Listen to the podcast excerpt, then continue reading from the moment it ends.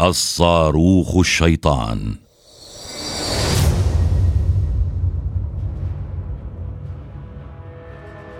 يلقب بملك الصواريخ قادر على محو دولة بحجم فرنسا وفخر صناعة روسيا الاتحادية. يعد من أقوى الصواريخ الباليستية الحديثة العابرة للقارات وأشدها فتكا. وباستطاعته تدمير ولاية تكساس ومن فيها بثوان. لذا هنا السؤال. ماذا لو قرر زعيم الكرملين استخدامه؟ وما أضراره على كوكب الأرض؟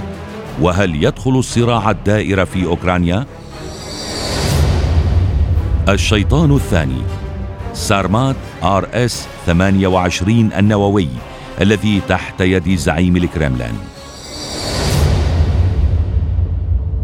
بعد الكثير من التجارب والأعمال المخبرية التي بدأت مطلع القرن الحادي والعشرين كشفت روسيا أخيرا الستار عن صاروخها النووي الجديد سارمات والذي يسميه الناتو بالصاروخ الشيطاني ساتان اثنان الذي ستستبدل به روسيا صواريخها النووية القديمة التي تعود إلى فترة السبعينيات.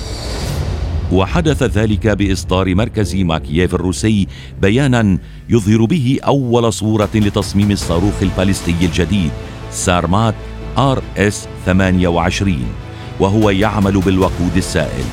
وكانت الحكومة الروسية قد طلبت من مركز ماكييف الروسي في عام 2010 البدء بتصميم الصاروخ في ظل التعاقدات الدفاعية.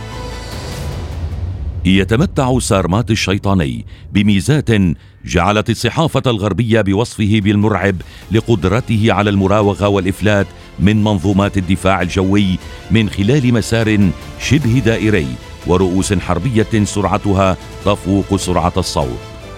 يزن الصاروخ الجديد 100 طن وينطلق من منصة تحت الأرض ويستطيع أن يحمل رؤوسا حربية مدمرة تزن عشرة أطنان إلى أي بقعة على الأرض.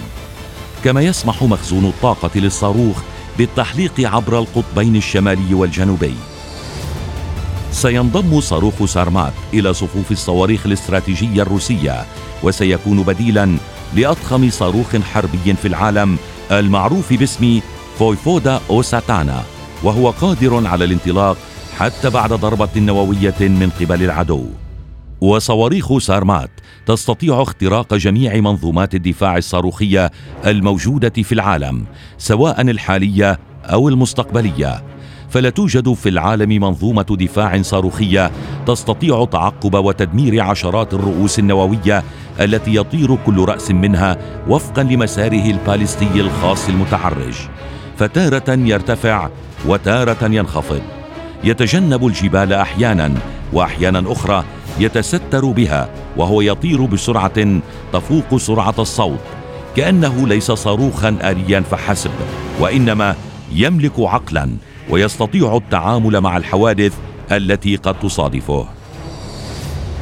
فوق كل ذلك هذا الصاروخ خفيف الوزن وبإمكانه التحليق لمسافة أكثر من 11 ألف كيلومتر مما يجعله صاروخا عابرا للقارات يتمتع بميزات فريدة.